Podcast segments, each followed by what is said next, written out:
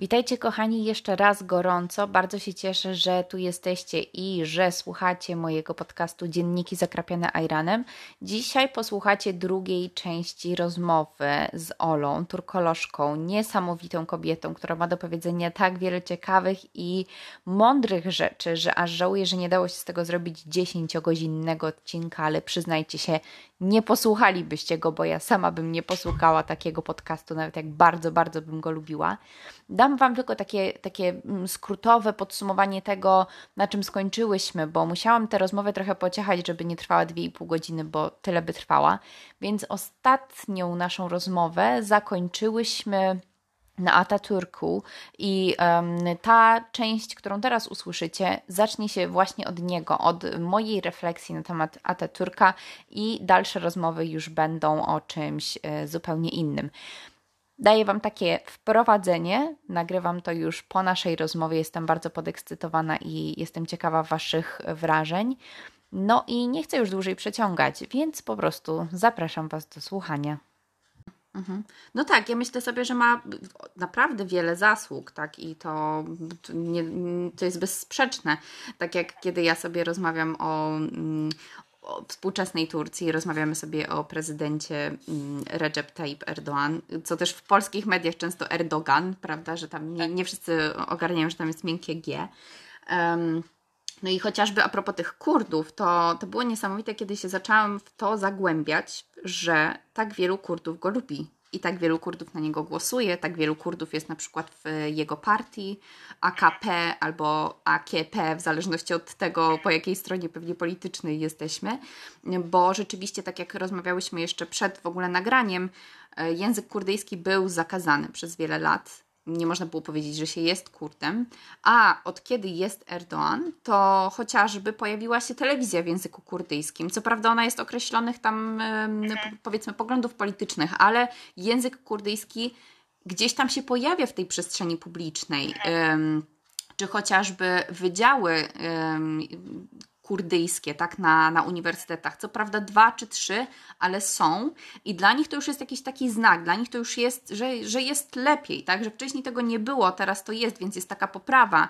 I tak jak rozmawiałam z kimś zupełnie gdyby nie, nie zainteresowanym tak głębszymi tematami tutaj Kurdowie, czy Turcy, czy, czy zmiany, to oni mówią, no tak, no ale przecież Erdoğan zrobił całkiem dużo dobrego dla Turcji, prawda, no nie wiem, kraj się rozwija i tak dalej i, yy, i tu znów mamy takie, takie ambicje ambiwalentne, prawda, e, uczucia, bo to, to dla mnie, no jak gdyby to wszystko, co tam dobrego się może i stało, to nie zaważy na moim patrzeniu na niego. Natomiast no, tutaj często po prostu gdzieś tam traci się obiektywizm, no i kiedy jest się w Izmirze i nie daj Boże coś tam zacznie się rozmawiać, to ja mam wrażenie, jak się rozmawia o Erdoanie, to takie zagorzałe dyskusje, po prostu takie krzyki niekiedy. Y, kiedyś usłyszałam, przez Ciebie jestem ateistką, nienawidzę już islamu, jak oglądała ta osoba telewizję i tam właśnie Erdoğan znów coś przemawiał, więc ta polityka, nie wiem czy się zgodzisz, ale ona jest moim zdaniem jakoś tak wszechobecna w tej Turcji, że nawet tak. Y, i no, chociażby głosowanie, tak jeśli są wybory, to frekwencja jest no powalająca. Powalająca. E, my niedawno mieliśmy wybory prezydenckie i mhm. frekwencja mhm. była jakieś 60%? Tak. Chyba nie pamiętam. Tak. E, powiedzmy, że 60%. Jak powiedziałam mojemu chłopakowi, że było 60% i w ogóle poprzednie wybory i tak dalej, i tak dalej, to on był w szoku, że, ale jak to? Czemu 60% tylko ludzi? No, no, co ci ludzie robią? Ale, ale, ale dlaczego? No, nie, nie jest tak, w stanie tego, tak. tego zrozumieć. Że rzeczywiście ta frekwencja jest e, na, na no minimum poziomie 80%. Jest bardzo wysoka. Ludzie są zaangażowani w politykę. Wcześniej wspomniałaś, jeszcze nie rozmawiałyśmy na ten temat, ale wspomniałaś te przewroty wojskowe. Mhm. I e, no, ta historia Republiki Tureckiej jest bardzo powiedzmy gorąca, gotuje się w tym kraju non-stop. E, jeszcze kilka lat temu, w 2016 był nieudany zamach mm -hmm, stanu. W tym kraju się po prostu non-stop co, tak. co, co, coś dzieje i, i każda osoba każda osoba, czy chce, czy nie chce, jest zaangażowana w politykę. Mm-hmm, w Polsce mm-hmm. bardzo często e, no, ja zawsze głosuję. Obojętnie jakie wybory by nie były, ja zawsze głosuję, zawsze biorę w tym udział. Bo wydaje mi się, że po prostu jest, mam prawo do tego i powinnam z niego korzystać. Mm -hmm. I, a mimo wszystko też spotykam się z wieloma osobami, też wśród znajomych, którzy twierdzą, że interesują się polityką. To, to ich nie dotyczy. Tak, tak, tak, tak, tak. Co mnie trochę szokuje, no bo jednak no, wprawdzie każda osoba może mi powiedzieć, wiele osób może mi powiedzieć, a nie mieszkasz w Polsce, to, to co ty mhm, wiesz, czemu mhm, decydujesz za Polskę i tak dalej, i tak dalej. No niestety są takie komentarze, ale jakby nie zgadzam się z, ze stwierdzeniem, że nie będę głosować, bo, bo się nie interesuję polityką albo polityka mnie nie dotyczy. Um, bo wszystko, co, na, co nas otacza, wszystko, co się dzieje w kraju, to jest mhm, polityka. To, co, to, co się dzieje z Twoim życiem, to jest polityka. I w Turcji wydaje mi się, że ludzie sobie też zdają z tego sprawę jest całkiem inna mobilizacja. Też słowo, z którego kilka razy wcześniej skorzystałaś, to jest ten honor, to jest mhm. ojczyzna, mhm. to jest jakby wpajane Turkom od, od samego mhm. początku ich życia, że to jest kraj i to jest kraj, kraj jest najważniejszy. Flaga jest, jest Atatürk, jest, jest ten półksiężyc, jest, jest gwiazda i jakby też mają całkiem inne podejście do, e, do kraju, do ojczyzny. Więc mnie, mnie nie dziwi to, że ta polityka jest naprawdę mhm, wszędzie i mhm. oni są tak w to zaangażowani. Tak. Takie reakcje są, jak, jak podałeś tak, przykład tak, tej dziewczyny. Tak. No u nas to może właśnie z tej perspektywy się to wydaje dziwne, tak, bo nie znamy kontekstu często tej, tej Turcji, że ta Turcja faktycznie takim, ona się cały czas gotuje, tam cały czas coś się dzieje związanego z tą polityką i ym, każdy mam wrażenie, ma jakiś pogląd, ma, ma coś do powiedzenia na ten temat. A tak jak słusznie wspomniałaś, ja też znam dużo takich osób w moim wieku, tak, powiedzmy przed trzydziestką, czy w tych okolicach, którzy mówią, że, którzy mówią tak, że dla nich polityka, no nie, no po co tam w ogóle szarpać sobie język, po co tracić czas, to mnie nie dotyczy, tak jak mówisz, chociaż słusznie, no to, co się dzieje w polityce dotyczy nas, bo nie, nie czujemy może czasami tego tak bezpośrednio, ale jednak nas to dotyczy. I teraz mam wrażenie, że w Polsce coraz bardziej um, rośnie nam ta świadomość, tylko mnie to zaskakuje, że tak późno, prawda, że mamy tak. 2020 i teraz dopiero zastanawiamy się nad tym, że hmm, może, ta, może ta ustawa jakoś się nam nie odbije, a w Turcji, mimo że nie wiem, czy masz takie wrażenie, ale ja mam wrażenie, że zawsze wiadomo, kto wygra, i, i mimo wszystko ludzie chodzą, tak, że chodzą i korzystają z tego prawa. Mm, I ja widziałam jakieś zdjęcia, wiesz, bardzo schorowanych osób, które na łóżkach szpitalnych y, jechały po prostu oddać ten głos. I, i dla nich to jest absolutnie obowiązkowe. Tam nie ma, nie ma, że się nie głosuje. Się głosuje i koniec. No jak się jest za granicą, to też się głosuje i już. Tak. E, no jeśli chodzi o to, że w Turcji zawsze wydaje mi się, że ostatnio w Polsce też, zawsze wiadomo, kto wygra. Niestety. To jednak ciekawa była sytuacja w zeszłym roku, e, jeśli chodzi o wybory prezydenta miasta Stambułu Majora. O Boże, tak. Bo e, osoba, która, która wygrała, Imamoğlu, wygrał zdecydowaną większością, ale Erdoğan, e, który no on akurat nie, nie brał udziału jako kandydat, ale, ale e, no i jego wybrany nie, nie, nie wygrał wyborów.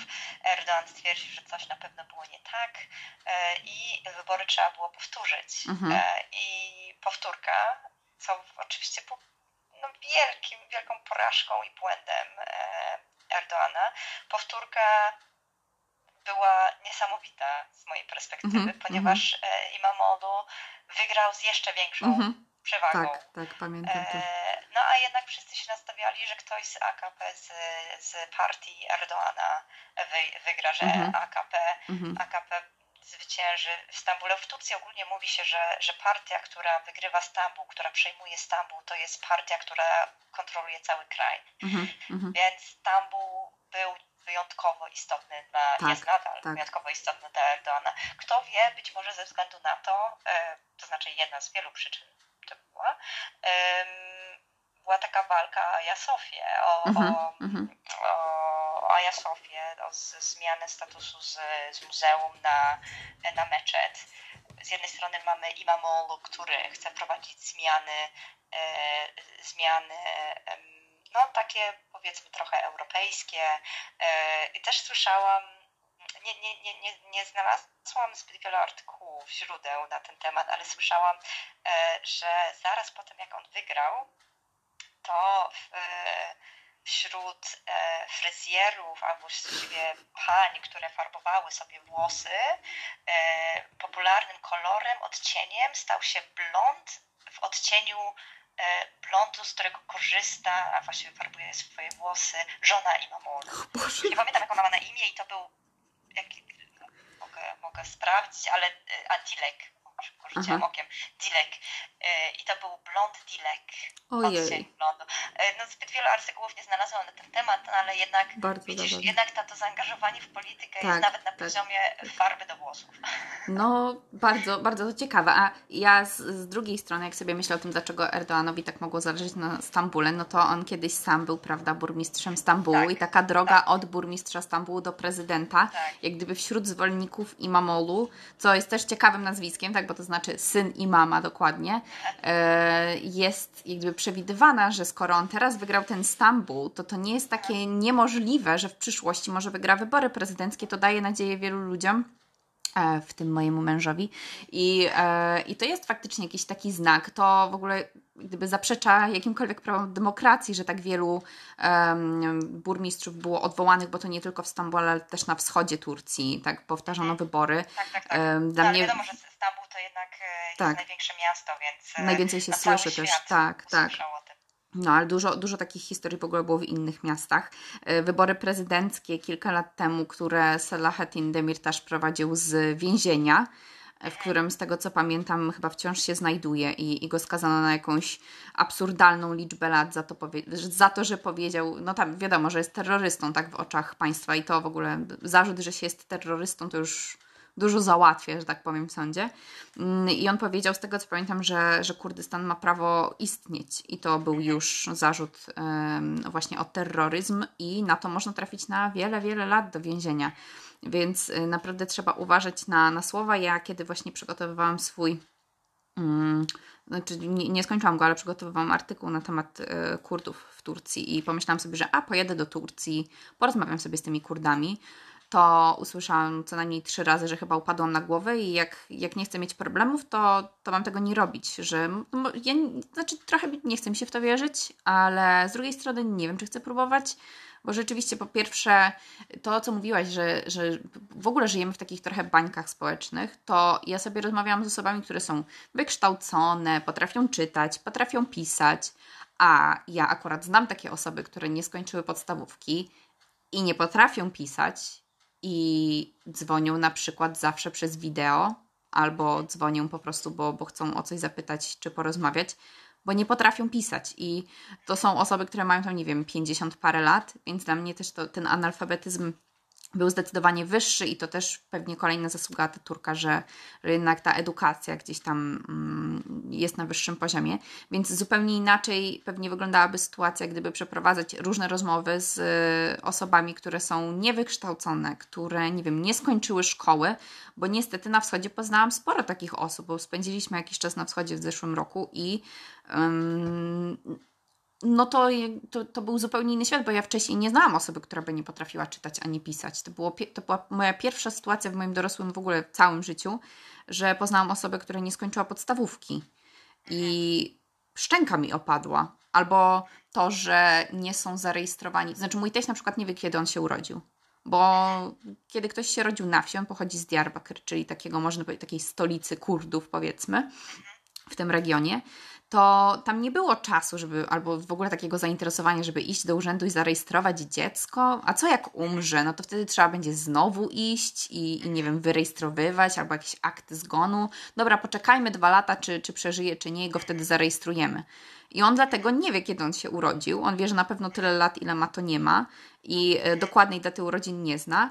I to też, jak gdyby rozmawiamy o osobie, która ma tam 50 parę lat, i ona nie wie, kiedy ona się urodziła. Że dla mnie też było takie niesamowite, że to jest w ogóle możliwe, bo moja babcia jest starsza, a wie, kiedy się urodziła w Polsce i, i gdzie i którego dnia. E, dla mnie, tak a propos e, innych dat urodzin, dla mnie też jest niesamowite to, że mm, e, też w, w okresie tych przewrotów wojskowych, zamachów,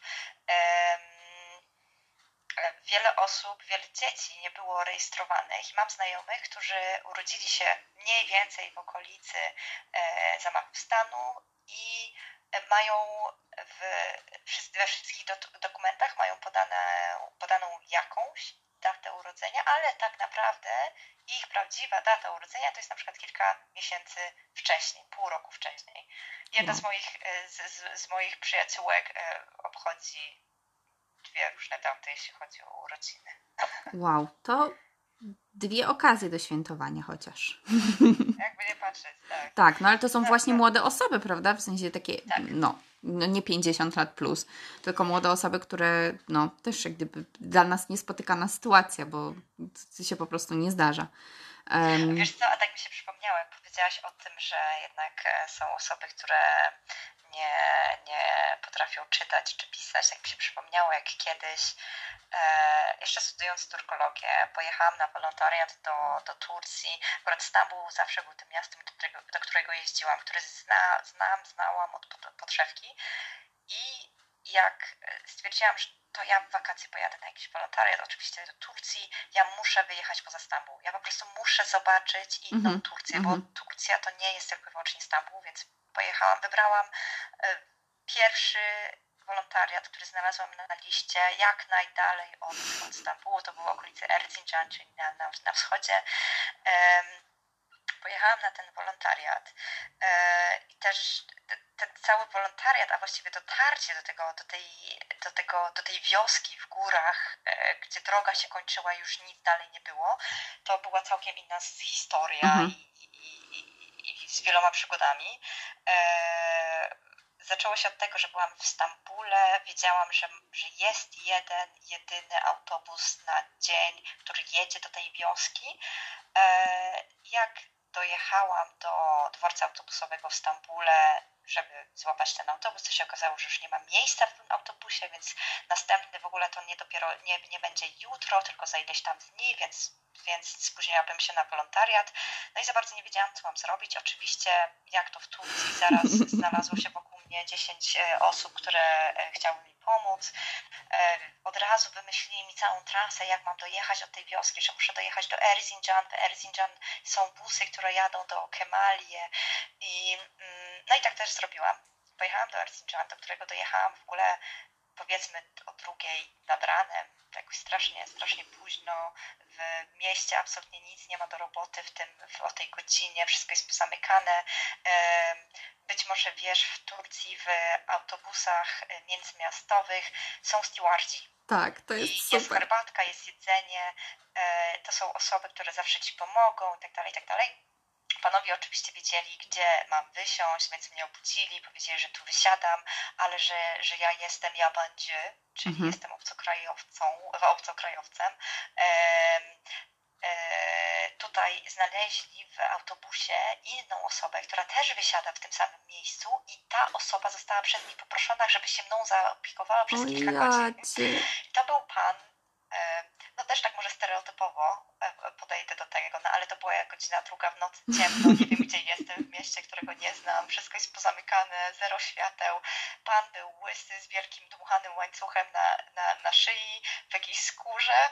No i mi powiedziano, że ja z tym panem mam siedzieć przez kilka godzin, aż się rozjaśni widziałam, że ten pan też nie jest za bardzo zadowolony z, z, z, mm, z zaistniałej sytuacji, no bo wyobraź sobie, że dojeżdżasz do miejsca, w którym wiesz, że czeka na ciebie łóżko, mhm. możesz się położyć, wyspać, a tu się okazuje, że, musi, że musisz się zajmować jakąś laską, której nie znasz. No ale pan był bardzo miły. Z tego co pamiętam, był, był, był kierowcą tirowcem, e, więc e, przez kilka godzin e, siedzieliśmy na dworcu tym autobusowym. Oczywiście pan absolutnie nie chciał, żebym zapłaciła za herbatki, mhm. których wypiliśmy chyba milion. No jak się zaczęło rozjaśniać, to pan powiedział, że bardzo mu przykro, ale, ale on już by poszedł, bo już jest jasno, jest więcej ludzi i, i raczej, raczej mi się nic nie stanie. Więc pan odszedł. A ja stwierdziłam, że dobra, to z tego dworca już wyjdę i przeniosłam się do parku obok, bo już było jasno, dużo ludzi w okolicy. I siedziałam sobie w tym parku na ławce, no i stwierdziłam, że dobra, skoro, skoro ten mój busik do Kemali odjedzie dopiero za ileś tam godzin, więc mam powiedzmy 10 godzin w mieście, w którym wiele lat temu było trzęsienie ziemi, które zniszczyło absolutnie wszystko, niczego tam nie ma do, do, do zobaczenia, no to sobie poczytam przewodnik, może coś znajdę. No i czytałam ten przewodnik i się skupiłam na tym przewodniku i w którymś momencie zauważyłam, że taki cień się pojawia na tych stronach, które czytam, czyli ktoś stoi przede mną. Podniosłam głowę i zobaczyłam, że przede mną stoi kilku mężczyzn, e, raczej bezdomnych, mhm. E, i z takim zafascynowaniem patrzyli się, się na mnie. Ja obok siebie miałam plecak 20 kilo, więc wiedziałam, że za bardzo nie, nie będę w stanie tego wrzucić na plecy i uciec. Nie ma takiej opcji. Więc prostu patrzyłam się na nich. Oni się patrzyli na mnie. Zero rozmowy przez, przez, przez kilkanaście sekund, być może kilka, ale dla mnie to była wieczność. Po czym zaczęli zadawać mi pytania, zrozumieli, że mówię po turecku. Zaczęli w ogóle mnie nazywać chodżą, czyli taką, wow. takim jakby mędrcem, powiedzieć nauczycielem, taką osobą, która, która jest jakby na, na, na, na wyższej, wyżej w hierarchii, ale też tak edukacyjnie można powiedzieć. E, no i ci mężczyźni byli zainteresowani tym, co, ja czytam, e, dlaczego tu jestem i tak dalej, i tak dalej.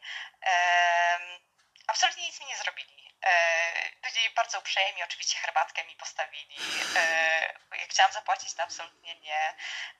No ale rzeczywiście w tamtych rejonach spotkałam się z osobami, które nie, nie, nie umiały czytać. W tym zdarzyło się, że też byłam nazwana chodzą, bo, mhm. bo mam taką umiejętność. Wow, ale historia. Ona tak naprawdę trwa jeszcze kilka godzin, ale to, to sobie już daruję. Tak, tak. Mamy. W ogóle jak tak zaczynasz mówić, to mi wtedy przychodzi tak wiele innych rzeczy jeszcze do głowy, że o tej Turcji można by było pewnie rozmawiać w ogóle godzinami tak. i tak już rozmawiamy półtorej godziny, bo to już się półtorej godziny nagrywa, a ja mam wrażenie, że jest jeszcze tyle rzeczy, które trzeba powiedzieć, no bo nie, w ogóle nie zaczęłyśmy za bardzo jeszcze rozmawiać o takiej kulturze. Mam na myśli literaturę, kino, albo no jak napisałaś o celebrytach LGBT i tym życiu na kredyt, to absolutnie wszystko mi, wszystko się wyjaśniło, tak, to, to są te rzeczy, które gdzieś mi tam umknęły. Więc może sobie zacznijmy od um, celebrytów. Ja powiem, co, co właśnie oglądając Aszkę Memnu, czyli moją guilty pleasure, zobaczyłam taki wątek, że tam no, jest przyszywany syn głównego bohatera, jednego z głównych bohaterów, e, który chodzi sobie tam po klubach i jest widziany z różnymi kobietami.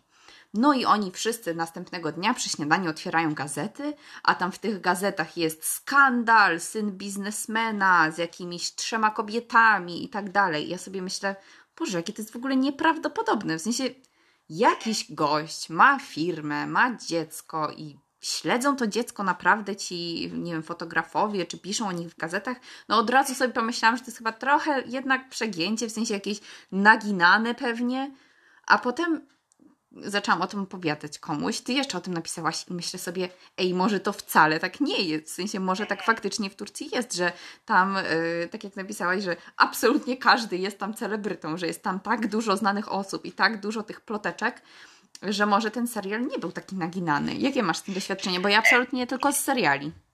Y, to znaczy, jeśli chodzi o seriale, to wiadomo, mm, wiadomo, że seriale, może nie wszystkie, ale te takie najbardziej znane, no pokazują Turcję całkiem inaczej. Ona, mhm. ona nie wygląda tak jak, tak jak jest w serialach, że ludzie mieszkają w luksusach, e, codziennie ułożone, chociaż to akurat ułożone włosy makijaż to może... Bywa, może, bywa. Prawda. No.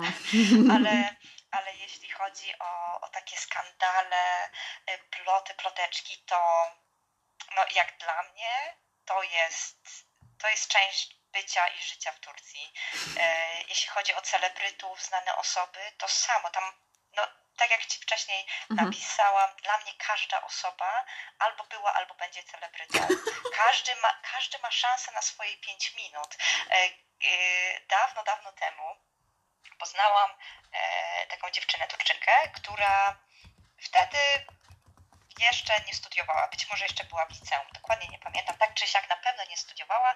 I ja pamiętam, ona mi powiedziała, że ona bardzo by chciała być aktorką, że ona chce pójść do szkoły aktorskiej.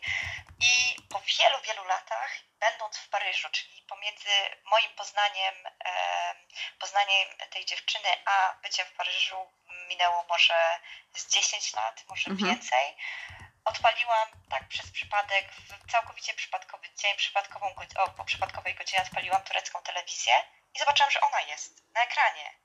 No, ale nie widziałam jej z 10 lat, więc widziałam, to może jakaś inna, bardzo podobna dziewczyna.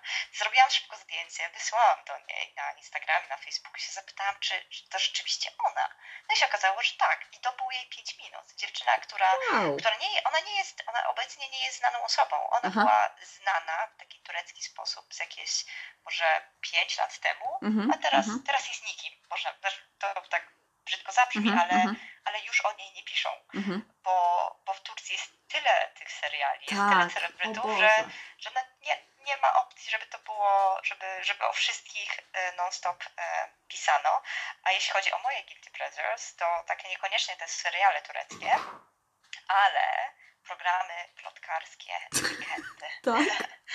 Uwielbiam, ale, ale przyznam się, że tak większość osób, o których plotki słyszę, to no nie kojarzę tych ludzi, w ogóle mhm. nie wiem, kim oni mm -hmm. są, ale sposób, w jak te, te plotki są przekazywane, to czym, tym, to, to, te historie, które są poruszane, to dla mnie, dla mnie to jest fascynujące, że, że kogoś to interesuje. Mnie interesuje to, że, że kogoś to mhm. interesuje, mm -hmm. że jak to, jest, jak to jest w ogóle przedstawiane. W ogóle będąc w Stambule na, na, na, na stypendium tam, przez znajomą i jej znajomych i, i, i znajomy znajomego tak dalej, tak dalej, tak dalej, e, dostałam ofertę um, bycia prezenterką w programie telewizyjnym. W ogóle na początku nie wiedziałam, no, nie wiedziałam jaka telewizja, jaki program, nic nie wiem, ale e, dowiedziałam się, że im zależy na, na osobie spoza Turcji, która mówi po turecku płynnie. No i powiedziałam, dobra, to spróbuję, zobaczę o co chodzi. E, no i wszystko fajnie, fajnie. Program miał być o nowych technologiach, nowych rozwiązaniach, takich e, gadżetach i tak dalej, i tak dalej. Więc powiedziałam, o, temat rewelacyjnie e, mi się podoba ale podziękowałam, jak się okazało, że raptem będę musiała być w niesamowitej ilości makijażu. Mhm. E, ciuszki im mniej na mnie, tym lepiej. E, I, i, I to był koniec mojej, początek i koniec mojej kariery telewizyjnej, ale no, tak też wyglądają realia tureckiej telewizji. Być może w Polsce jest podobnie, no, szczerze mówiąc nie wiem, ale, ale, ale ten makijaż nocny, imprezowy, taki mhm, weselny, mhm, to jest na porządku na porządku dziennym. O Boże, tak. I e, tych e, znanych osób e, jest bardzo dużo. Mam, mam znajomego, który, którego poznałam też będąc w Stambule, mm, który był fryzjerem i makijażystą zarazem. Mhm. Pracował w takim, można powiedzieć, zwykłe, w zwykłej sieciówce salonów fryzjerskich. Obecnie chyba milion ludzi followuje go na Instagramie i na YouTubie. Jest twarz, może niekoniecznie twarzą, ale takim specem e, Maybelline wow. E, i jest niesamowicie znaną osobą, celebrytą. Człowiek, można powiedzieć, znikąd, ze, mhm. ze zwykłego uh osiedlowego mhm. salonu. Naprawdę w Turcji mam wrażenie, że każdy ma możliwość zaistnienia. No, prawie ty zaistniałaś, ale no, ten... prawie ja Prawie i ty prawie. byłabyś celebrytką, ale, ale faktycznie... Byłam, byłam w telewizji tureckiej kiedyś, nawet nie wiedziałam o tym, e, w jakim, na jakimś kanale sportowym byłam, ponieważ e, studiując w Akarze wzięłam udział w konkursie dla obcokrajowców e, mówiących po turecku. Trzeba było przez 5 minut coś opowiedzieć mhm. przed publicznością. No, być może zauważyłaś, ja należę do osób do gadu. Ja Mi też. ciężko jest streścić coś i, i, i, i, i, i zmieścić się w pięciu minutach. No ale tak wystąpiłam, oczywiście musiałam bardzo skrócić moją wypowiedź. Wygrałam ten konkurs. Następnego dnia na uczelni poszłam do kantyny i kupując chyba kumpira, czyli tego faszerowanego mm -hmm. ziemniaka, kupując kumpira, pan, który robił tego, robił tego, te, tego kumpira, powiedział mi, że on nie widział w ogóle w telewizji. No i stwierdziłam, że no okej, okay, dobra, może ktoś podobny był, no ale stwierdziłam, że i tak czekam na tego kąpiela, no to zapytam, a w której telewizji? Co ja, co ja w ogóle w tej telewizji robiłam? E, no i powiedział, że w ogóle na kanale sportowym. No tak, oczywiście. E, no i później wdał się w szczegóły, że mówiłam o, o, mojej podróży i tak dalej, i tak dalej. I stwierdziłam, kurczę, rzeczywiście, to co on mi podaje, to, to jest prawda, bo ja mm -hmm, podczas mm -hmm. tego konkursu o tym mówiłam, no więc jednak też zaistniała, miałam swoje pięć minut. Wow, no to Czego ja... o tym nie wiedziałam. To powiem Ci, jestem jestem naprawdę zaskoczona tą rozmową i kierunkiem, w który ona idzie. Jeśli chodzi o ten makijaż, to, to może tak, no bo o tym też można by było porozmawiać, jak kobiety tam o siebie dbają i faktycznie jak bardzo one tam o siebie dbają. Natomiast ja myślę, że o takich takich codziennych rzeczach bardzo dużo już można znaleźć chociażby na YouTubie, bo jest dużo osób, znaczy dużo kobiet w sumie, które mieszkają w Turcji i jakoś o tej Turcji opowiadają, typu y, czy kobiety nakładają dużo makijażu, co kobiety tureckie myślą o Polkach i tak dalej, i tak dalej. Aha, chodzi Ci o, o Polki mieszkające tak, w Polsce, tak? Tak, tak. tak. Dużo jest jest kanałów. teraz ostatnio, tego dużo. Ostatnio coraz więcej. Tak, dokładnie, więc ja trochę, kiedy szukałam swojej przestrzeni, powiedzmy, w internecie, czułam czułam, że nie ma dla mnie miejsca za bardzo, bo nawet o tej Turcji to już nie ma co opowiadać, bo już wszyscy o niej mówią i, i wiesz, i już też jak gdyby rośnie tym zainteresowanie. Polacy są jedną z największych grup chyba, która odwiedza Turcję w ogóle rokrocznie, jeśli chodzi o wakacje. No tutaj zwłaszcza te, te rejony Antalii, Alanii i tak dalej są bardzo popularne. Co trochę mnie cieszy, tak, bo wyjeżdżają, jednak nie boją się tak jak niektórzy. Jak kiedyś usłyszałam, że do Turcji absolutnie nigdy nie, bo tam terroryści, islamiści w ogóle. Mm, więc cieszy mnie, że jeżdżą. Z drugiej strony smuci, że akurat, to znaczy tam jest pięknie, to prawda, tam też byłam, było pięknie. Natomiast Turcja, tak jak mówisz, to nie jest tylko Stambuł, to nie jest tylko Antalya i te piękne nadmorskie mm, kurorty. I ja, będąc tam po prostu w Alanii, mam wrażenie, że były naj, te najbardziej turystyczne miejsca typu Pamukkale, Kapadokia, Alania, Antalya były dla mnie największym zawodem. Nigdy nie jadłam tak obrzydliwego tureckiego jedzenia, nawet w polskich restauracjach. E, I no wiadomo, są jakieś zabytki, ale mam wrażenie, że to nie jest ta Turcja, w której ja się zakochałam. I te miejsca, które ja lubię gdzieś, gdzieś wiadomo, mogą być w dużych miastach, bo kocham Stambuł i kocham te, nie wiem, meczety, muzea, e, czy Yerebatan, to też jest dla mnie bardzo ciekawe miejsce. E, natomiast ta Turcja ma tyle do zaoferowania, jeśli chodzi w ogóle czy o historię, czy o architekturę, czy o kulturę. Mm, natomiast no nie wszyscy mają tam okazję po prostu trafić, bo trzeba było trochę zejść gdzieś z tego szlaku turystycznego albo wyjść trochę poza swoją sferę komfortu. I mm, no, fajnie i nie fajnie, natomiast Turcja jako właśnie turystyczne miejsce, no pewnie zgodzisz się, że jest po prostu dobrym, dobrym kierunkiem, bo i jedzenie tak. pyszne, i widoki piękne. A jakbyś miała wybrać takie jakieś miejsce, oprócz Stambułu, bo myślę, że Stambuł to gdzieś tam będzie na Twojej top liście, to które miejsce zrobiło na, ciebie wraż- na Tobie wrażenie takie ogromne? Mm, może nie tyle miejsce, co region, ogólnie mhm. wschód Turcji. Mhm. Wschód Turcji też jest tym regionem, który którego zdecydowanie nie znam tak bardzo, jak bym chciała, mhm. e, w szczególności północny wschód, ale e, no wschód jest po prostu niesamowity. Też chodzi o, o ten miszmasz, który nadal tam widać, o, o jedzenie, które jest całkiem inne. Tak jak wcześniej w ogóle wspomniałeś, że w Turcji każdy skądś pochodzi, tak samo jest z jedzeniem. Co, co region o to jest całkiem coś innego. Zapomniałabym o tym. E, to jest, tak, to jest całkiem co innego każdy region, no, szczerze mówiąc, wcześniej przed naszą rozmową dostałam od Ciebie zarys tej naszej rozmowy i tam było kilka takich pytań albo takich sugestii, jeśli chodzi o tematy, które chciałabyś poruszyć. I ja po prostu ja nie wiem, jak odpowiedzieć na niektóre mm -hmm. pytania. -hmm. Na przykład ulubione miejsce.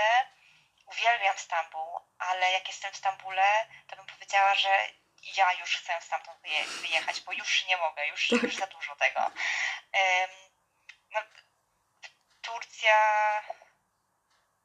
jeśli, jeśli miałam, no zdecydowanie wschód, ze względu mhm, na to, że jest mhm. po prostu całkiem, całkiem mhm. inny, ale no, każde miejsce mi się podoba. No, no tak. może nie te, te kurorty tak trochę mniej, bo to nie mój klimat, ale nawet w tych miejscach, w tych kurortach turystycznych, nawet tam można znaleźć coś oryginalnego, jakąś dzielnicę, gdzie nie będzie tak wielu turystów, a znajdziesz coś lokalnego. Więc to prawda. pewnie niekoniecznie dobra odpowiedź. Ale nie, ale to, to myślę, że dla mnie też jest jakiś takie, e, taki znak, bo ja jak gdyby mam chyba bardziej określone coś, może u mnie to tak po prostu działa, że jeśli miałabym właśnie wskazać jakieś miasto, to bym powiedziała, że Diyarbakir na mnie zrobiło ogromne wrażenie i w ogóle cały wschód jest y, też miejscem, po którym po prostu chciałabym podróżować, wiesz, tylko pojechać tylko tam i tylko tam jeździć od miasta do miasta i, i patrzeć, tak. jak tam jest, bo jest faktycznie inaczej.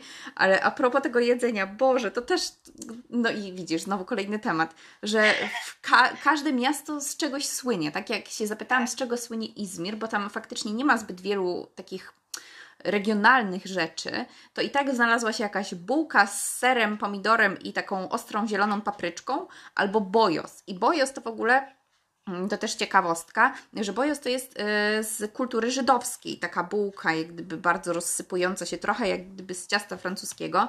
No ale kiedy podróżowaliśmy w zeszłym roku, to miałam okazję zjeść wszystko po drodze. W koni zjadłam etli ekmek, czyli takie, taki, tłumacząc no, mięso na chlebie, czy chleb z mięsem, ale to bardziej taka pizza, tłusta, oj bardzo tłusta. Byliśmy w Adanie, więc tam zjedliśmy Adana kebab. Potem byliśmy w Diyarbakir, więc po prostu nigdy nie jadłam tak dobrego arbuza. Te wegańskie cikiew, te takie surowe, tak, wyrabiane ręką.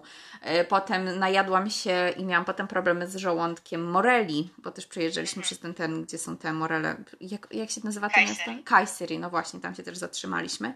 Więc jak rozmawiam z kimś, na przykład, o, y, poszłabym na dża kebab, jadłam raz i byliśmy w Izmirze. I opublikowałam to na swoim Instagramie i jakiś Turek dopisał, że mm, w Izmirze dża kebab nie jest dobry, musisz jechać do Erzurum. I tam po prostu, jak, jak masz jakieś danie, to ono tak jak człowiek, ono skądś jest, że jakieś miasto z czegoś słynie. I to zazwyczaj jest jedzenie. Tak, tak, dokładnie. No, jeśli chodzi o Turcję, to, to można ją zwiedzać od strony historycznej, ze zabytków, e, takiej kulturowej. Można, można zwiedzać od strony E, od strony właśnie kulinarnej, bo co region to coś innego, e, co miasto co, to coś mhm. innego. E, jeśli chodzi też o sporty, co często ludzie o tym nie wiedzą, Turcja nie jest tylko i wyłącznie kurortem letnim i mhm. letniskowym. Mhm. Jak najbardziej można polecieć, pojechać do Turcji zimą, żeby wyszaleć się na stokach narciarskich. Tak, mam, tak. mam przyjaciółkę Polkę mieszkającą w Stambule, która e, uwielbia różnego rodzaju sport, dla mnie trochę ekstremalne. E, zimą szaleje na, na desce snowboardowej w Turcji, co mm -hmm, wydaje mi się, że wielu osom, osobom się w głowie nie mieści, że tak, że tak, tak można. No wschód Turcji to już w ogóle e, region, gdzie śniegu raczej dużo będzie i czasami chyba nawet więcej niż w Polsce. To prawda, tam jest tak gorąco z jednej strony w, latem, w tak. latem że to jest akurat historia taka chyba typowo wschodnia, gdzie na dachach się po prostu śpi, bo tam są dachy płaskie i e, mój mąż pamięta, jak i ma takie zdjęcie, jak je taki po prostu rozkrojony arbuz i wszyscy siedzą z łyżkami, jedzą tego arbuza tak po prostu już y, bezpośrednio z niego. I wspomina właśnie jak jeździł, bo babcia właśnie ta jego cała część jest tam ze wschodu, jak jeździł tam na wakacje, no to spali na dachach, bo po prostu nawet w mieszkaniach, które są i tak takimi, brzydko mówiąc, lepiankami, bo to były takie jednak lepianki, gdzie nie było bieżącej wody i tak dalej, to na tym dachu było największe, największy chłód. A z kolei zimą to właśnie a propos tych nart, to było dla mnie takie śmieszne, bo u mnie wszyscy znajomi, ja na przykład nie jestem sportowa, nie jeżdżę na nartach, ale oni wszyscy tam y, myślą, gdzie by tu pojechać, no to może do tej Szwajcarii, może do Austrii, może gdzieś tam. I mówię, a czemu w sumie nie do Turcji, bo tam ceny są super, widoki, naprawdę niesamowite i jeszcze dobre jedzenie, no i też się wyszalejesz na, na tych nartach, tak jak tak lubisz. No i sprawdziłyśmy te ceny i faktycznie tam za chyba tydzień ze wjazdami codziennymi 1600 zł. No mówi, Boże, to ja tyle nigdy nie zapłaciłam w tej mojej Austrii, do której jeżdżę już tam od, nie wiem, 10 lat. I e, to właśnie, no a propos sportu, to, to, to ciekawostka. Wydaje mi się, że może, może jak już miną czasy korony, to ktoś się jednak zdecyduje nie tylko na wakacje latem w Turcji, ale też zimą. Um, ok, wracając do kultury, bo zaczęłyśmy o tym rozmawiać, o tych serialach. Te tasiemce, prawda? Że nie wiem, czy wszyscy wiedzą, że serial w Turcji, jeden odcinek, to jest taki dobry, pełnometrażowy film, trwający tak. dwie godziny, czasem dwie godziny. I, I bardzo śmieszne to było, jak patrzyłam na różne rodziny, które sobie zasiadały na przykład o powiedzmy tam 18 i do 22 telewizor. A to jeden serial, a to drugi, a to trzeci. I zawsze, absolutnie zawsze skubie się słonecznik do tego. To... Oczywiście. Ja tutaj pod nosem mam, mam sklepik turecki yy, i z chłopakiem czasami się śmiejemy, że że e, chyba jesteśmy jedynymi osobami, które u nich kupują słonecznik na, na, na kilogramy, właściwie na, na tony. Ja, ja w tym sklepiku kupuję ser turecki, papryczkę taką, taką powiedzmy turecką i słonecznik. Mhm. I ten słonecznik u nas, no ja, ja nie jestem w stanie sobie wyobrazić e, oglądania telewizji czy czegokolwiek na YouTubie bez słonecznika. No, i, i wielu z moich bliskich mhm. znajomych jest, e, jest, jest Turkami i z nimi nawet jak rozmawiam sobie, czy na, czy na Whatsappie, e, właściwie w większości na Whatsappie, to nawet podczas tej rozmowy jest ten słonecznik. To jest dla mnie to już, no ja nie jestem w stanie sobie wyobrazić tego, e, te, te, tego bez słonecznika. A seriale tak, rzeczywiście dwie godziny bite. Ja akurat przyznam się, że nie oglądałam serialu, który był właściwie nie oglądam wielu seriali, e, seriali, seriali tureckich, tylko, tylko kilka, ale kiedyś był taki bardzo, bardzo popularny Kurtlar Vardisi.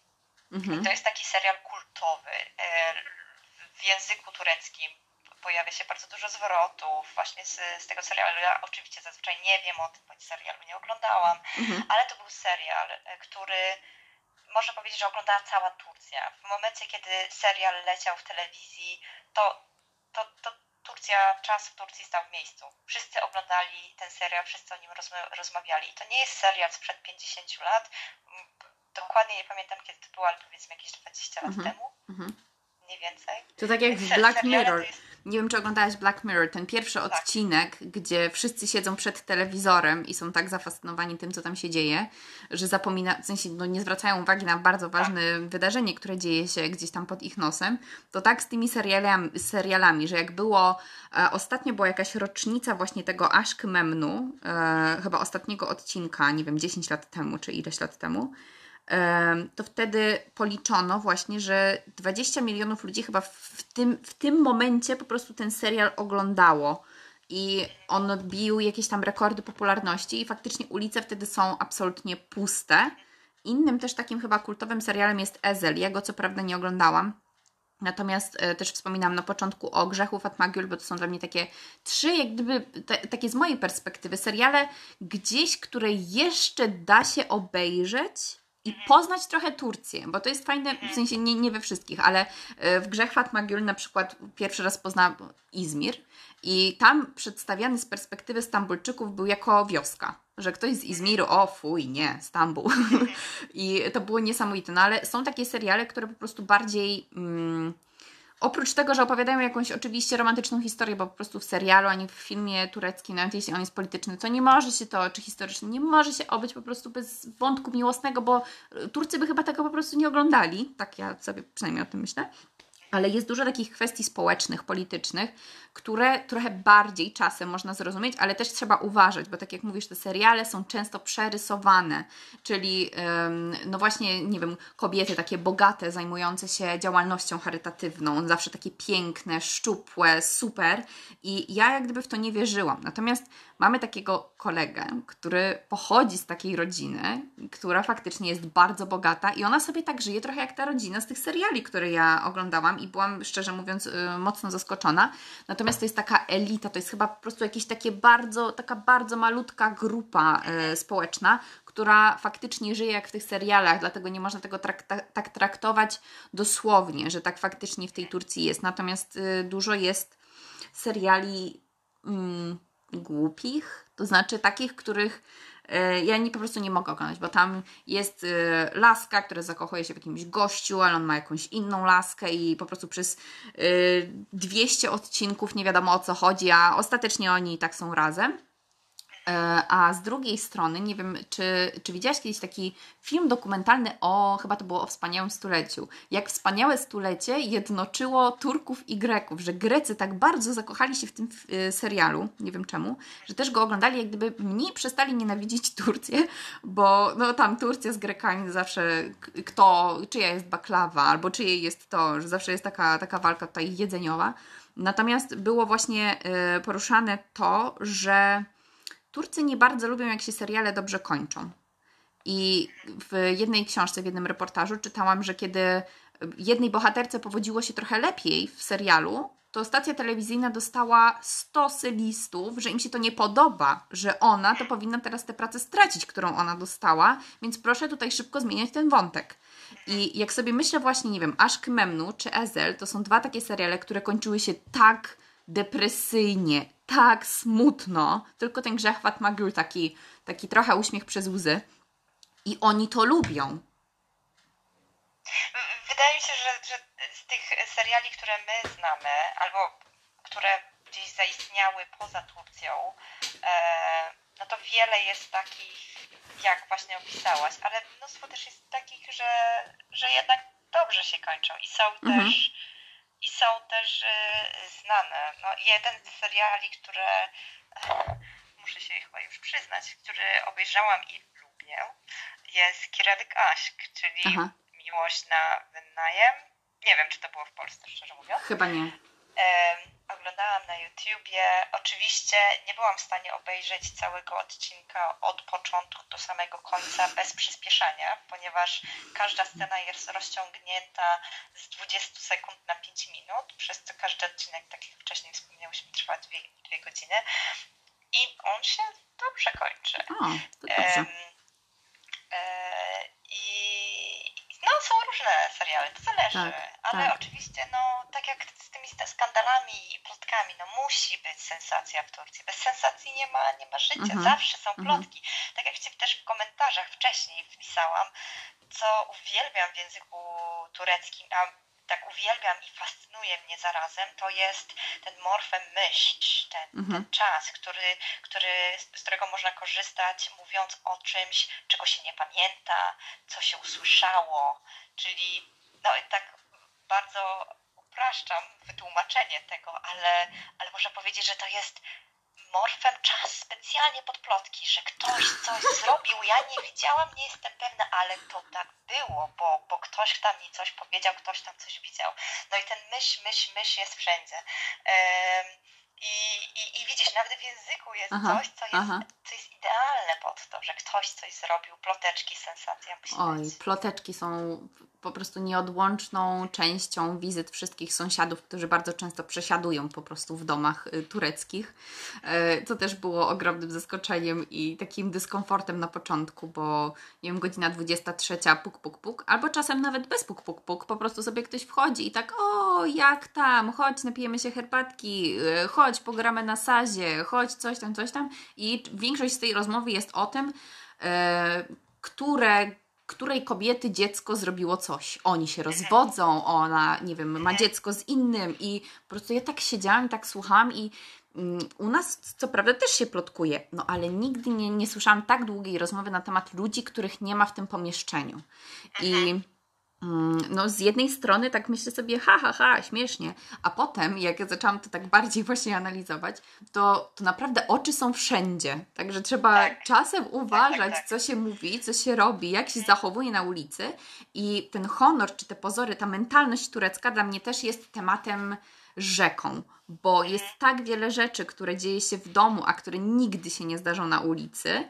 Typu na ulicy trzeba się zachowywać tak. Mój mąż nawet nie chce mnie trzymać za rękę, jak chodzimy w Turcji, bo on mówi, że to jest albo że kiedyś był taki, jak ktoś tam, nie wiem, pocałował się z kimś na ulicy, to ktoś inny go zaatakował, że dlaczego ty mi się tutaj pokazujesz? Ja nie mogę sobie znaleźć dziewczyny, ja jestem teraz zazdrosny, mi jest teraz przykro, jak się z tym czujesz, że... Yy, ale na przykład w domu no to już zupełnie inna historia, nie? Że te tutaj honor jest ważny i na przykład nie można, nie wiem, nakrzyczeć na siebie na ulicy, że jak ja na przykład podnoszę głos gdzieś na ulicy, to mówi, porozmawiamy o tym w domu. Nie ma, że na ulicy będziemy pokazywać, że coś tam się dzieje, albo że ty może jeszcze na mnie krzyczysz, że to w ogóle tak nie wypada, nie? Że to AIP to jest takie słowo, które ja zapamiętałam z mojej pierwszej podróży. AIP, tak. AIP, tak, AIP. Jest kilka takich mm. wyrazów, które tak.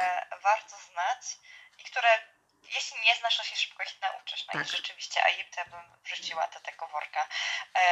A jeśli chodzi o ten, o ten honor, to rzeczywiście tak jest, bo wcześniej Ci wspomniałam, że jeśli chodzi o tę, o tę moją grupę znajomych, no to, to są osoby wykształcone, takie można powiedzieć europejskie, z taką europejską mentalnością, rodzice, rodzina zazwyczaj też z wyższym, wyższym wykształceniem i e, i, i, i wydawałoby się, że, że te osoby miałyby albo w rodzinach mieliby inne podejście do na przykład mieszkania razem, pary mm -hmm, bez ślubu. Mm -hmm. e, ale jednak nie, nie, nie, nie ma no, takiej opcji, no. musi być ślub. I ja akurat z moim chłopakiem jesteśmy w związku partnerskim już od wielu lat i jak um, tłumaczyliśmy o co w tym chodzi naszym znajomym w Turcji, to padały komentarze, że a, jaka szkoda, że u nas tego nie ma, no bo, no bo my nie chcieliśmy tego ślubu, ale aha, chcieliśmy, żeby, żeby żyć i mieszkać aha, razem. Pomimo tego, że ta rodzina wydawałoby się tak. E, taka europejska, tu ktoś wykłada na, na uczelni, tu ma takie i takie poglądy, wypowiada się w taki, a nie inny sposób. W Turcji zawsze można ludzi w jakiś tam sposób zaszufladkować i, i jest i zdarzają się takie sytuacje, że, że wrzucasz ludzi do tego worka europejski 100%, może mhm. nawet bardziej mhm. od, od połowy Polski albo ode mnie, od ciebie, można tak powiedzieć. A jednak zdarzy się taki przypadek, że nie ma pozwolenia na, na mieszkanie razem. W rodzinie to tak nawiązując trochę do literatury, co mi się podoba, to na przykład E, niektóre, nie wszystkie, ale niektóre książki Elif Shafak, mhm. niektóre z jej książek zostały przetłumaczone na, na polski, z tego co wiem. I, i moją ulubioną książką Elif Shafak jest Siyah Sud, e, czyli Czarne Mleko. Mhm. E, to jest książka, w której Elif Shafak opisuje swoją depresję poporodową, też opisuje co nieco swoje życie, to, to takie zmaganie się z byciem pisarką, osobą znaną, kobietą, e, kobietą powiedzmy nowoczesną w Turcji, ale zarazem kobietą, która jest bardzo mocno powiązana z tradycją, e, z, tak jak już wspomniałam, byciem matką, ale bardzo często tą niechęcią do bycia mm -hmm, matką. I, mm -hmm. to był temat, niesamowity temat tabu w Turcji. Mm -hmm. Wydaje mi się, że w jakimś stopniu jest nadal i też może i w Polsce, tak, żeby tak, powiedzieć, tak jestem matką, ale nie jestem szczęśliwa, mhm. nie podoba mi się to, tęsknię za moim poprzednim życiem. I mam taką, mam taką znajomą w, w, w Stambule, która, e, która ma e, małe dzieci. E, wtedy chyba miała jedno dziecko. I ja widziałam, że mm, ona uwielbia oczywiście swoje dzieci, uwielbia w stu procentach, nie wyobrażasz, nie wyobrażasz sobie życia bez niego, ale pamiętam jak ją kiedyś odwiedziłam, przyjechałam do niej, jej, jej mama była u niej, pomagała jej z dziećmi e, i i ta moja znajoma mi powiedziała, Ola, słuchaj, wyjdźmy stąd. Ja chcę z tobą porozmawiać, ja chcę, ja chcę chwili mojego starego życia. I ja po prostu widziałam, że ona, że ona ma to życie teraz, ma świetną karierę, e, jest niesamowicie wykształcona, niesamowicie inteligentna dziewczyna i wyszła za mąż tak trochę pod naciskiem mhm. rodziny, że słuchaj, to już teraz, mhm, ty mhm. masz fajnie, że masz tę karierę swoją, ale ale jednak są pewne obowiązki. Mhm. E, następnie były, były dzieci i było widać, że ona się w tym męczy. Ona i tak, tak jak powiedziałam, ona uwielbia swojego męża, uwielbia swoje dzieci, ale było takie wykończenie mhm. w którymś mhm. momencie i strasznie mi przykro było, bo widziałam, że ona nie jest szczęśliwa też to było chwilę, znaczy chwilę, kilka tygodni po, po porodzie, więc to też z tym, z hormonami może być związane, czy z mhm, depresją mm -hmm. poporodową, ale wydaje mi się, że to też istotne, istotne było w tej książce Alif Shafak, ona poruszyła ten temat, mm -hmm. temat, o którym wiele osób nie, nie rozmawia w Turcji, czy mm -hmm, w Polsce mhm. może też. No bo często tak jest, ja to też zauważyłam, że mimo, że rodziny są gdzieś tam otwarte, tak, i, i ci nasi znajomi, którzy sobie chociażby żyją w Polsce czy w innych krajach Europy, to kiedy oni dobijają do trzydziestki, czy już są po trzydziestce, to rodzina nagle robi puk-puk, a kiedy ślub. I um, no jednemu naszemu znajomemu to wręcz wyszukiwano i mhm. próbowano zaaranżować małżeństwo, choć jest z dużego miasta, bo on jak gdyby się tak nie, nie poczuwał, też nie czuł w ogóle, że chce ślubu, tak? Ale mhm. ostatecznie, no, to znaczy ma inną partnerkę, tak nie, nie aranżowaną i dobrze, że nie aranżowaną. Natomiast to jest, tak jak mówisz, taki w cudzysłowie, ale obowiązek mimo wszystko, że, że ten ślub, no po prostu on jest. Nie ma jak gdyby takiego kwestionowania, że, że nie ma ślubu i potem, że nie ma dzieci też I, i wydaje mi się, że to jest dla wielu młodych ludzi po prostu czasem, z, z biegiem czasu frustrujące, także że oni sobie trochę inaczej chyba wyobrażali w wielu przypadkach, ale już no trzeba to, to brać takim, jakim jest. I no ja też jak gdyby patrzę na tych takich młodych, czasem troszkę starszych ode mnie ludzi, czasem w tym samym wieku, którzy są już zamknięci w tej rodzinie i wiadomo, że tak jak mówisz, mogą sobie robić kariery, mogą pracować. Natomiast to nie wszystko dzieje się zupełnie tak, że, że to się dzieje, bo oni, te, bo oni tak czują, bo oni tego chcą, tylko bo rodzina gdzieś tam jest wciąż obecna. Trzeba powiedzieć, że relacje rodzinne są bardzo ścisłe w Turcji tak. i rodzina gra ogromną rolę w, w relacjach, potem też małżeńskich. I ja na przykład, słuchając tych ploteczek, o których mówiłyśmy, byłam czasem wręcz zażenowana, bo one znały po prostu takie szczegóły ich prywatnego życia, takiego intymnego życia wręcz. I tak. zastanawiałam się skąd. No ale to też przez to, że po prostu oni sobie bardzo dużo rzeczy mówią, a one potem gdzieś tam dalej wypływają. Ale jak rozmawiamy o Elif Shafak, no to wydaje mi się, że, że Elif Shafak jest gdzieś tam może trochę znana, ale najbardziej chyba znany i tak byłby Orhan Pamuk, jeśli już w ogóle mamy mówić o pisarzach e, związanych z... Zgadza się. Tak, więc Orhan Pamuk tak. Już, już wcześniej powiedziałaś, że przeczytałaś Orhana Pamuka i Śnieg jest jedną z Twoich ulubionych mhm. pozycji. Mhm. Ja przyznam się szczerze, że miałam kilka podejść do Orhana Pamuka i każda była nieudana. E, mam wiele jego książek i po polsku i po turecku. Wszystkie czekają na jakiś dzień który kiedyś nastąpi, kiedy będę w stanie przeczytać od początku do, do końca, a nie poddam się w połowie. Aha. No, no jeszcze być może nie dorosłam do, do jego literatury. Mm. Um, i, i, jeśli chodzi o literaturę turecką, to um, lubię Elif Szafak, ale tak jak wcześniej powiedziałam, nie wszystkie mm -hmm, książki. Mm -hmm. Zdecydowanie polecam Czarne Mleko. Um, też niedawno przeczytałam jej e, chyba najnowszą książkę, E, Ondaka Otuseki-sanie. Mhm. Z tego co wiem, ta książka wyjdzie za tak, kilka miesięcy tak, tak, tak, tak, dokładnie.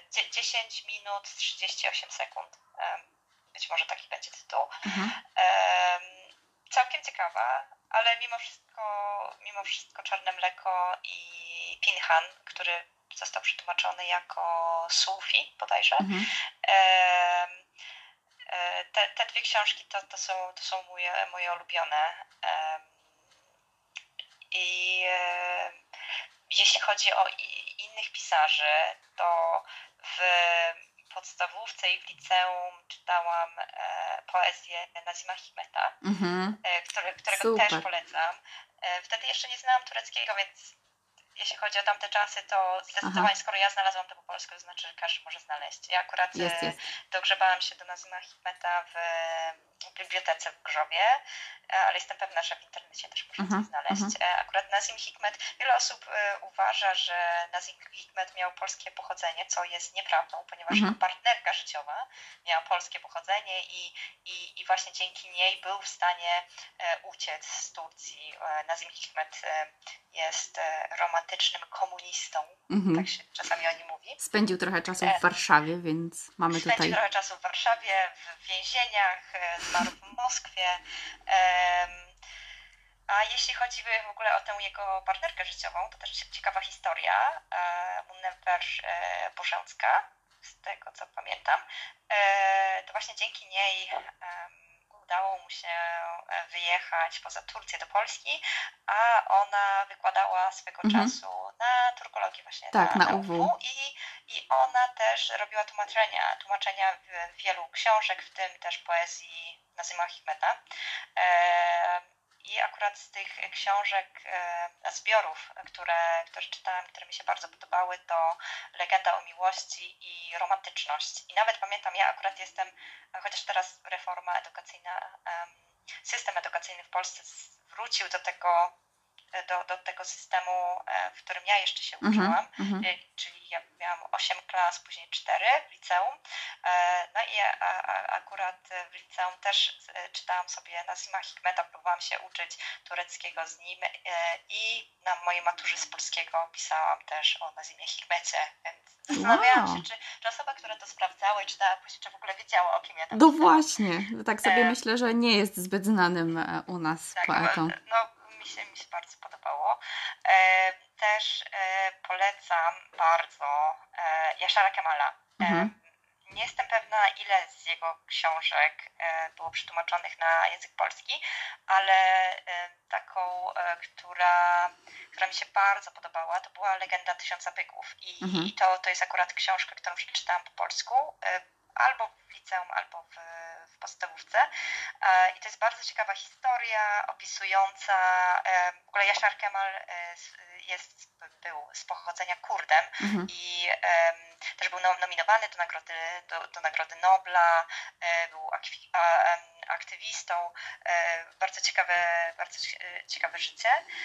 I ta legenda Tysiąca Byków to historia plemienia, które jakby nie może się odnaleźć w tej nowej rzeczywistości tureckiej, w, w tej rzeczywistości, gdzie trzeba mieszkać w jednym miejscu, gdzie, gdzie są te wszystkie reformy, gdzie, gdzie kraj staje się taki nowoczesny, a oni są plemieniem, który żyje od, e, żyje z, poprzez przenoszenie się z jednego miejsca do drugiego, próbuje walczyć o, o swoje tradycje. No, bardzo, bardzo ciekawe polecam. Właśnie ja jak gdyby nie, te, tych książek nie czytałam, też nie wiem właśnie na ile one są dostępne po polsku, bo z kolei E, te, o których powiedziałam, to tak to, to są. Okej, okay. bo z kolei ja kojarzę książki Orhana Kemala, które uwielbia Ozan i ja nie wiem, czy, czy one są gdzieś tam po polsku, bo próbowaliśmy szukać różnych takich książek, właśnie bo mówię, że chciałabym poznać literaturę turecką, trochę odchodząc od tego Orhana Pamuka, bo mimo, że ja przeczytałam sześć książek łącznie y, jego, to niektóre po prostu y, sprawiały, że chciałam sobie podciąć żyły wręcz. A na pewno było to Muzeum Niewinności, które. No nie wiem, no po tej książce zrobiłam sobie ponadroczną przerwę z Orhanem ym, Pamukiem, bo było to dla mnie nie do zniesienia, absolutnie nie do zniesienia i są książki, które lubię jest to na przykład Śnieg, yy, bardzo lubię też Rudowłosą, tutaj no, ciekawe są po prostu wątki, też wydaje mi się dużo jest takiej kultury tureckiej, którą już teraz trochę bardziej rozumiem dzięki właśnie Pamukowi. Natomiast to Muzeum Niewinności albo te jego wspomnienia o Stambule, Boże, jak to bolało. Ja teraz mam długą przerwę, bo, bo jeszcze jest y, dużo innych książek, które no, gdzieś tam widzę, sobie czekają na mnie, ale one są takimi potężnymi bykami i one mają chyba 700-800 stron, że ja po prostu nie jestem w stanie na razie poświęcić swojego y, zadowolenia z życia, żeby, żeby wrócić do Orhana Pamuka. Natomiast czytałam taką jedną książkę, która też y, cudem po prostu nam się udało ją znaleźć. To się nazywa książka Madonna Futrze. I... A, ją czytam obecnie, ale tak, w oryginale. W oryginale. No właśnie my mieliśmy tak, że Ozan zaczął czytać ją w oryginale, ja po polsku i, y, i też ją przeczytałam jak gdyby dużo, ja zawsze porównuję mimo wszystko do literatury rosyjskiej, bo widzę dużo takich wątków gdzieś tam um, z literatury rosyjskiej i i to mi się czasem podoba, a czasem mniej. Natomiast ta książka, pamiętam, że zrobiła na mnie wrażenie, a z drugiej strony jej zakończenie było dokładnie takie jak e, serial turecki, taki, takie, takie, przepraszam, tanie, więc e, ciekawa jestem, jakie będziesz miała wrażenia. Ale jeśli chodzi o taką literaturę turecką, to może już na tym poprzestańmy. Ja jeszcze mm, pomyślałam, że w ogóle tak o Turcji to tak naprawdę nie powstaje za dużo książek. Jak sobie szukam, wiesz, pewnie jak wiesz, to, to dużo reportaży czytam. Jeśli chodzi o Rosję, to tych książek po prostu jest tak dużo, jest ogrom publikacji. Natomiast kiedy przeglądam reportaże o Turcji, to tak naprawdę dwa, które są reportażami, dobra, trzy, przychodzą mi do głowy. To jest na pewno Wróżąc z Fusów, Rzeź na Tarlabaszy i Merhaba albo um, Zabójca z miasta Moreli. I to są takie trzy reportaże, reportaże, które mi przychodzą do głowy, które są faktycznie gdzieś tam dosyć tak ciekawie napisane. Natomiast żaden z nich absolutnie mnie jakoś tak no po prostu nie porwał. Wydaje mi się, że to też przez to, że żeby napisać książkę o Turcji, reportaż o Turcji, może on powinien mieć tyle stron, ile książki Orhana Pamuka, bo yy, jak czytam, to myślę sobie, o fajnie, że o tym napisał. Na przykład we Wróżąc z Fusów jest dużo takich wątków, powiedziałabym pewnie niekomfortowych dla, dla wielu Turków, czyli chociażby Kurdowie, chociażby e, Erdoğan, czy chociażby nacjonaliści i, i Atatürk. Mm. Natomiast wyliczam sobie, nie powiedziała tego, tego, tego, tego, a to jest takie ważne, czemu tam tego nie ma? Ale wydaje mi się, że tak jak nasza rozmowa mogłaby trwać i trwać, tak i te reportaże. A czy przychodzą Ci jeszcze jakieś inne książki do głowy o Turcji, ale nie wiem, napisane przez Polaków albo Polki? E, tak, nawet mam pod ręką. O, super. E, to wprawdzie nie jest reportaż, to jest historia Republiki Tureckiej. Aha. E, napisana przez Dariusza Kołodziejczyka. E, to jest e, wykładowca na Uniwersytecie Warszawskim. Książkę, którą czytałam chyba milion razy e, w liceum i zawsze marzyłam, żeby poznać autora tej książki, po czym jak się dostałam do turkologii okazało się, że będę miała od niego zajęcia. To prawie miałam zawał, jak miałam mieć egzamin, bo to jakby poznać swojego idola. Aha. E, bardzo polecam tę książkę. Opisuje e, właśnie historię kraju, e, też końcówkę Imperium Osmańskiego. To książka, której raczej już się nie dostanie w księgarniach, raczej mhm. antykwariusze, antykwariaty, przepraszam, i gdzieś w internecie. E, bardzo fajna książka. E, to już wspomniałaś o zabójcy z, z, miasta Moreli. Ja tę książkę bardzo dawno czytałam, mm -hmm, ale mm -hmm. pamiętam, że, że, była, że była dobra. Ja ogólnie mm -hmm. Szabowskiego lubię. z książek o Turcji, może nawet nie o Turcji, co bardziej o Stambule, E, no ale już nie napisanych przez Polaków, ale są dostępne po polsku. To jest z wydawnictwa e, Czarne, wiem, mhm. że bardzo lubisz, ja też. Tak. E, książka o tytule Most. Mhm. E, Maka. E, bardzo ciekawy zbiór reportaży opisujący Turcję, też Stambuł z perspektywy mostu Galata, ludzi, którzy przebywają na tym moście. Bardzo, bardzo fajne. Czytałam też wiele lat temu, więc w szczegóły wdawać się nie będę, ale pamiętam, mm -hmm. że mi się bardzo podobało. W zeszłym roku też przeczytałam e, książkę o północy w Perapalas, która mi się bardzo podobała. W, w Stambule, e, w, na Beyoğlu, w, w tej części Galata jest e, taki bardzo stary, znany hotel Perapalas mm -hmm. i Turcja, Stambuł, Imperium Osmańskie jest opisane właśnie przez pryzmat e, Perapalas, kto, przy, kto przebywał w tym, w tym hotelu. Ten, ten hotel był stworzony pod e, Orient Express. E, i i jest bardzo dużo wątków właśnie Orient Express, bardzo dużo wątków obcokrajowców, mniejszości narodowych, mm -hmm. jest bardzo dużo Rosji w tym wszystkim, więc jeśli nie czytałaś tej książki, koniecznie przeczytaj, ona jest niesamowita. No ja ją przeczytałam od dechy do dechy i e, akurat ją czytałam na Kindle i na, na Kindle jest ta możliwość zaznaczenia tak, sobie tekstu. Tak, tak, tak. Ja absolutnie całą książkę zaznaczyłam. każdy, każde zdanie praktycznie było dla mnie niesamowite. E, każde zdanie powodowało, że zaraz chciałam e, sprawdzać w Google'ach więcej mhm. informacji na mhm. dany temat. No, książka niesamowita. E, więc jeśli chodzi o książki, e, książki o Turcji czy o Stambule, to to te bym poleciła. Tak. Poza oczywiście tymi, które ty też. Tak, tak. No wiadomo, jest ten jeszcze taki półprzewodnik e, dwóch Agat i też go przeczytałam, tak. też jest e, sympatyczny, dobrze, dobrze czasami oddaje te takie niuanse kulturowe. Natomiast ja w ogóle, to już mówiłam wielokrotnie, ja w książkach szukam czegoś więcej, tak ja szukam czegoś, co mnie, nie wiem, albo jakoś tak mocno poruszy, albo mnie czegoś nauczy. I um, może to też ostatnio właśnie rozmawiając z moją koleżanką z pracy, powiedziała, że może już przestały Ci się książki podobać, bo za dużo ich czytasz. I, i może być tak, że już przestają Cię satysfakcjonować Mówię, może tak, no ale to gdzieś mnie tam nie zatrzyma. Teraz właśnie w kolejce czeka kebabistan, ale on przewrotnie jest o Polsce, yy, kraju kebaba, naszym narodowym daniu. Więc tak na koniec, yy, bo też już yy, myślę, że musisz uciekać niedługo, już jest 13.30, więc pogadałyśmy naprawdę nieźle.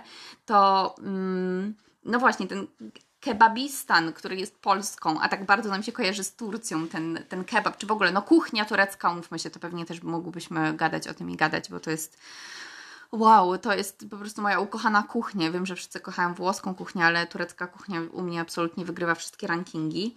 Mm, to historia z kebabem. Ozen przyjeżdża do Warszawy i patrzy, wszędzie kebab, kebab, kebab. Mówi, co to jest ten kebab? No bo oni jak gdyby nie, nie kojarzą to nie jest danie w Turcji, jest jakiś kebab, tak? To, co my mamy, to jest doner, tak? Czyli ten kebab taki um, no czasami maszynowo po prostu z, zbierany z tej masy mięsnej. E, i że tego kebaba tak naprawdę tam jest tak dużo, że są różne rodzaje, prawda? E, więc ten mm, kebabistan, o którym, albo kraj kebaba, o którym sobie myślimy w, jako o, o Turcji, to trochę tak przewrotnie, bo, bo wcale tak nie jest, prawda? Że ta, wiadomo, kuchnia turecka jest mega bogata i, i kebab jest tylko jak gdyby takim procentem tej, no, tej całości. Jeśli chodzi o kebaby, to po prostu to są dania mięsne, dania mhm. z mięsem. To niekoniecznie jest buła z mięsem i w Turcji też z frytkami w środku. Ojej, e, No ja już od jakiegoś czasu jestem wegetarianką, więc e, kebaby to już tylko na kebaby to sobie tylko mogę popatrzeć. Z sejtana e... możesz zjeść. Sejtan jest super zastęp, e, takim zastępstwem mięsa. Tak, ale jeśli chodzi o takie bardziej zaawansowane powiedzmy dania wegetariańskie w Turcji czy wegańskie, no to raczej może być ciężko, mhm. chociaż jeśli chodzi o przystawki, to to bez problemu tak. sobie wegetarianie poradzą. Tak, zdecydowanie tak. Tu przystawek tego ym, meze, tak, tego jest tak dużo i, i one są właśnie często warzywne. Ym, no, a zdaniami głównymi bywa różnie. Rzeczywiście jednak dominuje, dominuje to mięso, chociaż ono jest teraz drogie w Turcji i jak byliśmy ostatnim razem, to y, w większości jednak jedliśmy, jedliśmy w domu rzeczy niemięsne, bo mięso rzeczywiście jest um, ultra drogie, więc różne wersje um, fasoli i warzyw w sosie z ryżem były grane. Więc tak, Turcja podsumowując jest krajem różnorodnym i wydaje mi się, bo miałam takie pytanie do Ciebie, żebyś w trzech słow, trzy słowa, które Ci przychodzą na myśl, kiedy, kiedy mówimy o Turcji, to wydaje mi się, że ja sama chyba ich, ich po naszej rozmowie nie byłabym w stanie powiedzieć, bo może 33 może, ale trzy na pewno nie, e, bo to naprawdę jest fascynujący kraj i, i jak mnie absolutnie nie dziwi to, czemu, czemu go wybrałaś bo no, o Turcji, Turcję w ogóle warto śledzić to, co tam się dzieje, bo czasami mam wrażenie, że jak coś, coś się wydarzy, mi to umknie, to potem nie rozumiem, co się dzieje dalej, że tam się dzieje rzeczywiście tak dużo i, i tak dużo jakichś dziwnych czasami dla mnie rzeczy, że no, staram się gdzieś na bieżąco czytać, co tam, co tam się wyprawia. Okej, okay, to y, nie poruszyliśmy wielu tematów, które mam na liście. Bardzo chciałam porozmawiać o LGBT, ale może jeszcze, jeszcze kiedyś w jakimś innym kontekście. Y, nie porozmawiałyśmy o religii, o muzyce, o wielu sprawach, ale myślę, że jakbyśmy rozmawiały, to by to teraz zajęło nam z 6 godzin.